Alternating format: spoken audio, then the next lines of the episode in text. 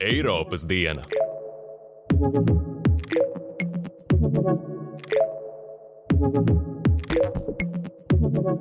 Sveicināti Eiropas dienā! Es esmu Andris Kārklovs, un šodien pievērsīsim pastiprinātu uzmanību divām ar Eiropas Savienību saistītām tēmām. Runāsim par divām imigrācijas krīzēm. Pirmkārt, pievērsīsimies Aleksandra Lukašenko režīmu īstenotajai Irākas pilsoņu bīdīšanai pār Eiropas Savienības robežu. Polija, Lietuva un arī Latvija šajā bēdā nav vienas. Robežsargus uz austrumu robežas atbalsta arī Eiropas robežapsardzības dienesta Frontex darbinieki. Par to, kas jau atrodas Latvijā un kas gaidāms tuvākajās dienās, vaicāja Frontex runas vīram Piotram Švitalskim. Tomēr, tā kā mēs redzam pieaugušo skaitu nelegālu robežu pārkāpumu gadījumu no Baltkrievijas puses, Latvijas varas iestādes ir prasījuši Frontex papildu atbalstu. Mēs pie tā vēl strādājam, un ir sākti sagatavošanās darbi, bet Frontex varētu pārdislocēt sešus virsniekus no Lietuvas uz Latviju. Otra tēma ir potenciāli gaidāmā migrantu krīze, ko var izraisīt šobrīd novērojamā Afganistānas atkārtot nonākšana teroristiskā grupējuma Talibana rokās, pēc tam, kad gandrīz 20 gadus tajā faktiski nosacīt militāro stabilitāti nodrošināja, kā izrādās, vienīgi ASV un NATO spēki. Vairākas Eiropas valstis, kuras joprojām izjūt vai labi atceras iepriekšējās imigrācijas krīzes sekas, augusta sākumā paziņoja, ka izraidīto patvērumu pieteicēju deportācijām uz Afganistānu jāturpinās, lai nesūtītu nepareizu signālu, jeb citiem vārdiem, neparādītu katram afgānim, ka visi, kas nonāks Eiropā, paliks Eiropā. Grieķija un Eiropas Savienība vēro Afganistānas destabilizāciju, kas notiek pēc militāro spēku atvilkšanas no Afganistānas reģiona. Eiropa nav gatava vēl vienai imigrācijas krīzei, kāda jau bija 2015. gadā.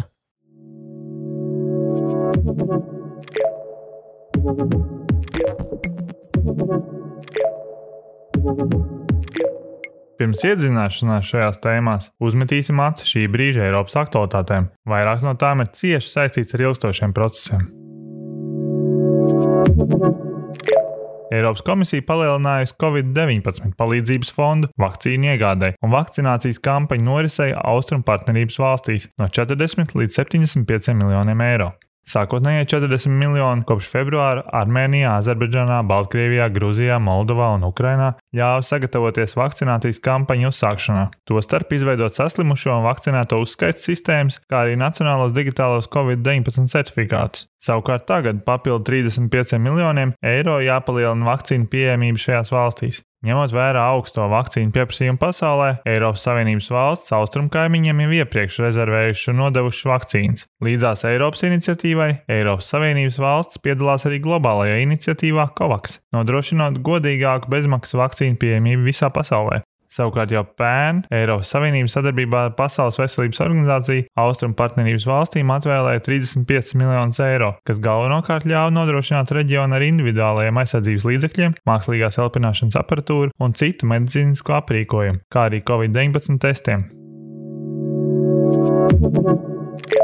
Eiropas Savienības augstākā ierēdniecība turpmāk vēl vairāk izmantos privāto lidmašīnu pakalpojumus, vēsta politiko. Mēdīju uziets dokuments liecina, ka tā dēvētajiem gaisa taksometriem nākamajiem četriem gadiem tēriņš plānots palielināt līdz 13,5 miljoniem eiro. Salīdzinājumam, līdzinājā piecu gadu kontraktā, kas noslēgsies šogad, lidojumiem ar privātajām lidmašīnām bija atvēlēti 10,7 miljoni.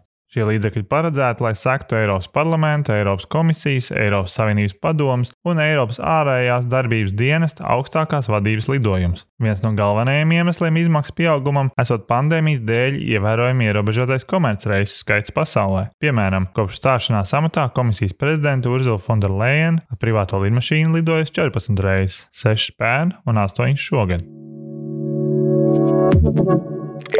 Eiropas Savienība jau atkal plāno atdzīvināt likumprojektu par vienotu mobilo telefonu lādētāju ieviešanu. Jau septembrī plānots prezentēt ieceri 27 valstu blokā ieviest vienotu mobilo telefonu un citu elektronisko ierīču lādētāju modeli. Projekts, kuram jāatvieglo Eiropiešu ikdienu un jāsamazina izmaksas, ko veido regulāra lādētāja maiņa, ir vairāk nekā desmit gadus vecs. Galvenais idejas pretinieks līdz šim bijusi amerikāņu kompānija Apple. Industrijas lielākie spēlētāji, tostarp Apple, jau 2011. gadā vienojās ieviest unificētu standartu, taču galīga versija uz vienotu modeli izgāzās. Apple 2018. gadā uzstāja, ka šādi noteikumi ierobežot inovāciju iespējas. Tikmēr Android ierīču ražotāji jau labu laikā pārgājuši uz vienotu USB-C pieslēgu. Visas pazīmes liecina, ka Horvātija pēc nu jau mazāk nekā pusotra gada savu kunu nomainīs pret eiro. Ekonomiski tā izpilda visas apņemšanās, paziņojis Horvātijas finanšu ministrs Zdravko Maričs. Tas nozīmē, ka nacionālās valūtas maiņa pret eiro, ko valsts apņēmās līdz ar pievienošanos Eiropas Savienībai 2013. gadā, rit pēc plāna. Maričs atzīmējis, ka valsts ne tikai nekavējoties, lai sagatavotos pāriešanai uz eiro, bet pat esot ātrāk nekā gaidīts. Jau pērn vasarā kuna tika fiksēta piesaistīta eiro, un novembrī valsts premjerministrs Andrejs Plenkovičs paziņoja, ka Horvātija eirozonai pievienosies 2023. gada 1. janvārī. Vakcinācijas pret covid-19 kampaņas sākums Eiropas Savienībā bija gausāks nekā vairākās citās attīstītajās valstīs, sākotnēji zaudējot gan Lielbritānijai, gan ASV. Tomēr pēc iepalikšanas vakcinācijas sprintā Eiropas Savienība ir potenciālais uzvarētājs maratonā, raksta The Financial Times. Eiropas Savienībā jau jūlijā 70% pieaugušo bija saņēmuši vismaz vienu covid-19 poti, un viss liecina, ka 70% pieaugušo pilnībā vakcinēti būs jau tuvāko septiņu nedēļu, jeb pusotru mēnešu laikā.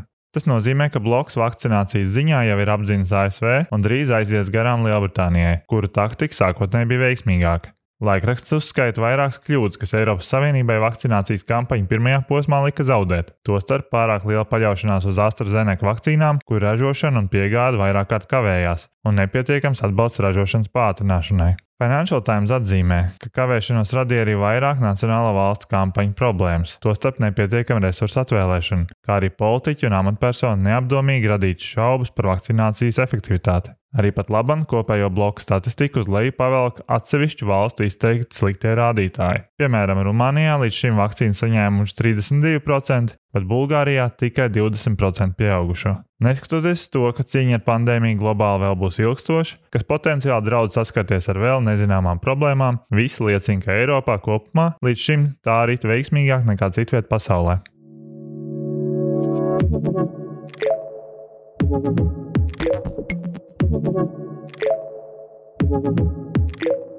Autoritārā Baltkrievijas režīma jaunākais ārpolitikas ierocis izrādījies labāku dzīvi meklējoši Irākas pilsoņi. Sākotnēji Aleksandra Lukašenko režīms tos vērsa pret Lietuvu. Robežsargiem nekautrīgi bīdot robežu pārkāpējus daudz vietā pasaulē tik kārotajā Eiropas Savienībā.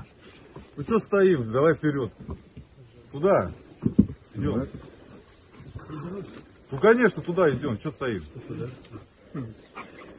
Nu jau vairākas nedēļas Baltkrievijas robežsarga pavadībā īrākieši tiek vēsti pa bezceļiem arī pretī Polijas un Latvijas robežsarga apsargātajai teritorijai. Latvijas iestādes gan nav viens. Tālāk nāk gan kaimiņu jau gūtā pieredze, gan Eiropas Savienības robežu apsardzības aģentūras Frontex speciālisti. Frontex savā esošajā formātā darbu sāk 2016. gada novembrī, jeb reaģējot uz 2015. gadā Eiropā piedzīvoto migrantu krīzi. Lietuvā un Latvijā krīze ir citāda, bet aģentūras virsnieki palīdz patrulēt arī uz mūsu austrumu robežas. Par to vairāk aicināja pastāstīt Frontex runas vīru Jotru Švitalski. Tā kā notikumi mainās strauji, atzīmēšu, ka intervija tā pagājušajā nedēļas nogalē. Kāds ir esošais un potenciālais Latvijā strādājošo Frontex darbinieku skaits? Šobrīd Frontex Latvijā ir astoņi virsnieki un viena patruļas mašīna, un viņi strādā divu apvienotu operāciju ietvaros, gan uz Baltkrievijas, gan Krievijas robežas, asistējot Latvijas varas iestāžu darbiniekiem. Tomēr tā kā mēs redzam pieaugušo skaitu nelegālu robežu pārkāpumu gadījumu no Baltkrievijas puses, Latvijas varas iestādes ir prasījuši Frontex papildu atbalstu. Mēs pie tā vēl strādājam, un ir sākti sagatavošanās darbi, bet Frontex varētu pārdislocēt sešus virsniekus no Lietuvas uz Latviju. Domāju, ka būsim ātri, bet pagaidām pie tā norit darbs. Un kas būs viņa galvenais uzdevums? Asistēt Latvijas varas iestādēm robežas patruļā. Vēl strādājam pie tā, kādi tieši būs viņu uzdevumi, bet tas vienmēr ir ciešā koordinācijā un atbilstoši vietējo varas iestāžu vajadzībām. Šajā gadījumā tas atkarīgs no Latvijas valdības. Frontex no šī gada ir jaunizveidots pastāvīgais korpus, kuram līdz 2027. gadam jābūt 10 tūkstošiem darbinieku. Cik no šiem tūkstošiem jau sākotnēji bija plānots norīkot tieši darbam uz Latvijas robežas?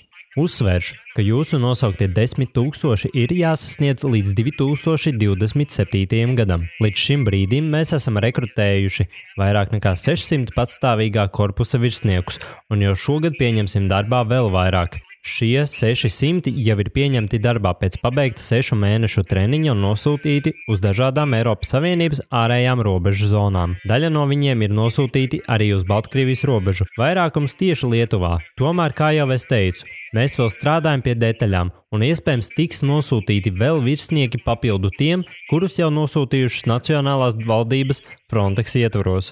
Tāpat precizēšu, no kurienes šie desmit tūkstoši nāks. Viņus var iedalīt trīs kategorijās. Pirmās kategorijas virsnieki ir Frontex darbinieki, un viņus pēc sešu mēnešu ilgām apmācībām tieši algo Frontex. Viņi arī nesā Eiropas robežu un krasta apsardzības dienestu uniformas. Apmācība notiek arī uz vietas pēc vajadzības. Vai tas ir robežas uzraugs, vai dokumentu vai pirkstu nospiedumu speciālists, vai kāda cita no ļoti daudzām un dažādām specializācijām. Otrās kategorijas virsnieks nosūta Eiropas Savienības vai Schengenas zonas valstis, vai arī tas ir ilgtermiņa nosūtījums, kas ierasti ir uz diviem gadiem.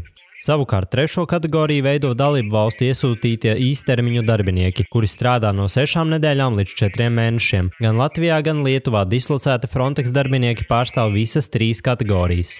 Neskatoties uz aktuālajiem notikumiem uz Baltkrievijas robežas, vai iepriekš jau bija noteikts, cik daudz Frontex darbinieku tiks dislocēti Latvijā? Tas nekad netiek plānots ilgtermiņā un patstāvīgi, bet tiek organizēti atbilstoši valstu valdību pieprasījumiem. Ja situācija ir normāla un uz robežas nav liels migrantu skaits vai cita veida nepieciešamība pēc atbalsta, tad Frontex nemaz netiek iesaistīts, jo vietējās varas iestādes ir pilnībā spējīgas uzturēt ikdienas darbu. Ja vietējā vara uzskata, ka tai nepieciešams atbalsts, tad Frontex ir gatavs iesaistīties un atbalstīt pamatā demonstrējot Eiropas Savienības solidaritāti, kur vien tas ir nepieciešams. Tādā gadījumā, ja nekur nav krīzes vai citu vajadzību, kur šie desmit tūkstoši tiks dislocēti?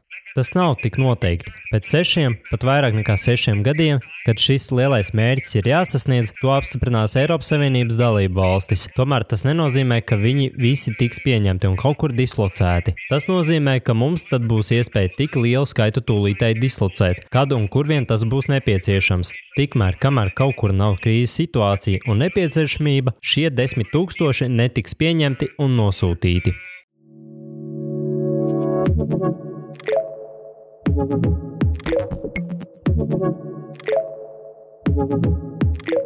Afganistāna. Kopš brīža, kad iedomājos podkāstu Eiropas diena 31. sērijā pievērsties šai valstī, Afganistānas centrālā valdība ar prezidentu kaut kur aiz valsts robežām un armiju, kur jau vairākas nedēļas padevās vai bēga, savā līdzinājā formātā beigus pastāvēt. Visticamāk, brīdī, kad podkāstu klausies, valdību faktiski jau veido Eiropas Savienībā par teroristisku organizāciju uzskatītais sunīta radikālais grupējums Taliban. Šoreiz gan pievērsīšu uzmanību tam, kā šajā haosā reaģēja vairākas Eiropas valstis. Augusta sākumā sešas bloku valstis - Austrija, Beļģija, Dānija, Grieķija, Nīderlanda un Vācija - kopīgā vēstulē Eiropas komisijai norādīja, tām jābūt tiesīgām uz Afganistānu atpakaļ nosūtīt tos afgāņu imigrantus, kuru patvērumu pieteikumi ir atteikti. Šī vēstule sekoja pašas tobrīd jau strauji varu zaudējošās Afganistānas valdības jūlijā izteiktajam lūgumam apturēt piespiedu deportācijas, ņemot vērā drošības situāciju valstī. Sešnieks bija tieši. Imigrantu izraidīšanas apturēšana sūta nepareizu signālu un drīzāk motivē vēl lielāku skaitu Afganistānas pilsoņu pamest savu dzimteni, lai dotos uz Eiropas Savienību. Taisnības labāk jāsaka, ka tobrīd talība vēl tikai meta acis uz reģionu galvaspilsētām. Cita starpā tas Beļģijas migrācijas ministram Semijam Mahdī ļāva teikt, ka tas vien, ka kādos valsts reģionos nav droši, nenozīmē, ka katram šajā valstī ir tiesības uz patvērumu Eiropā. Pēc tam, kad vēstules detaļas pagājušajā otrdienā nāca klajā, jau trešdien divas to parakstījušās valstis, Nīderlanda un Vācija, paziņoja, ka ņemot vērā situāciju Afganistānā, tās atraidīto patvērumu prasītāju deportāciju uz laiku jāaptur. Tikmēr pārējie četri vēstules parakstītāji - Austrija, Beļģija, Dānija, Grieķija - palika pie sava. Grieķijas migrācijas ministrs Notis Mitarači bija lakonisks. Eiropa sūta nepareizs signāls.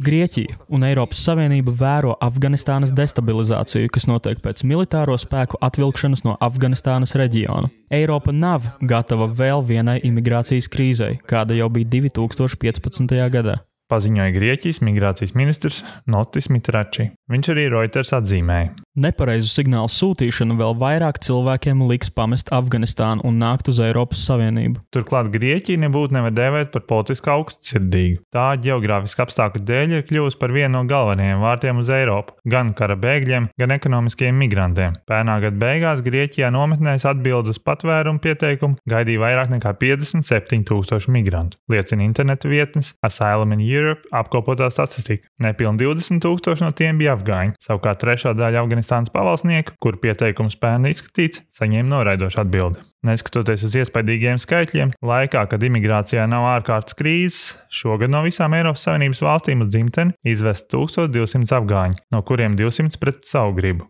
Atminoties 2015. gadu un baidoties, ka līdzīgs migrantu vilnis sekos Afganistānas krišanai talību rokās, Mitrači izskaidroja Reuters. Nekādā gadījumā Eiropas Savienība nav gatava un tai nav kapacitātes tikt galā ar vēl vienu tāda vēriena krīzi. Mēs esam noraizējušies par situācijas Afganistānā pasliktināšanos, un tādēļ tas ir ļoti izšķiroši un ļoti svarīgi Eiropas Savienībai būt proaktīvai šādas krīzes novēršanai. Tagad, kad līdzinājā valdība ir kritusi, atteikto patvērumu pieteicēju fiziski izraidīšana kļūst mazticama. No otras puses, kādu signālu tas dos? Visticamāk, šī smagā politiskā izšķiršanās jau šobrīd ir Eiropas Savienības politiķu galvās.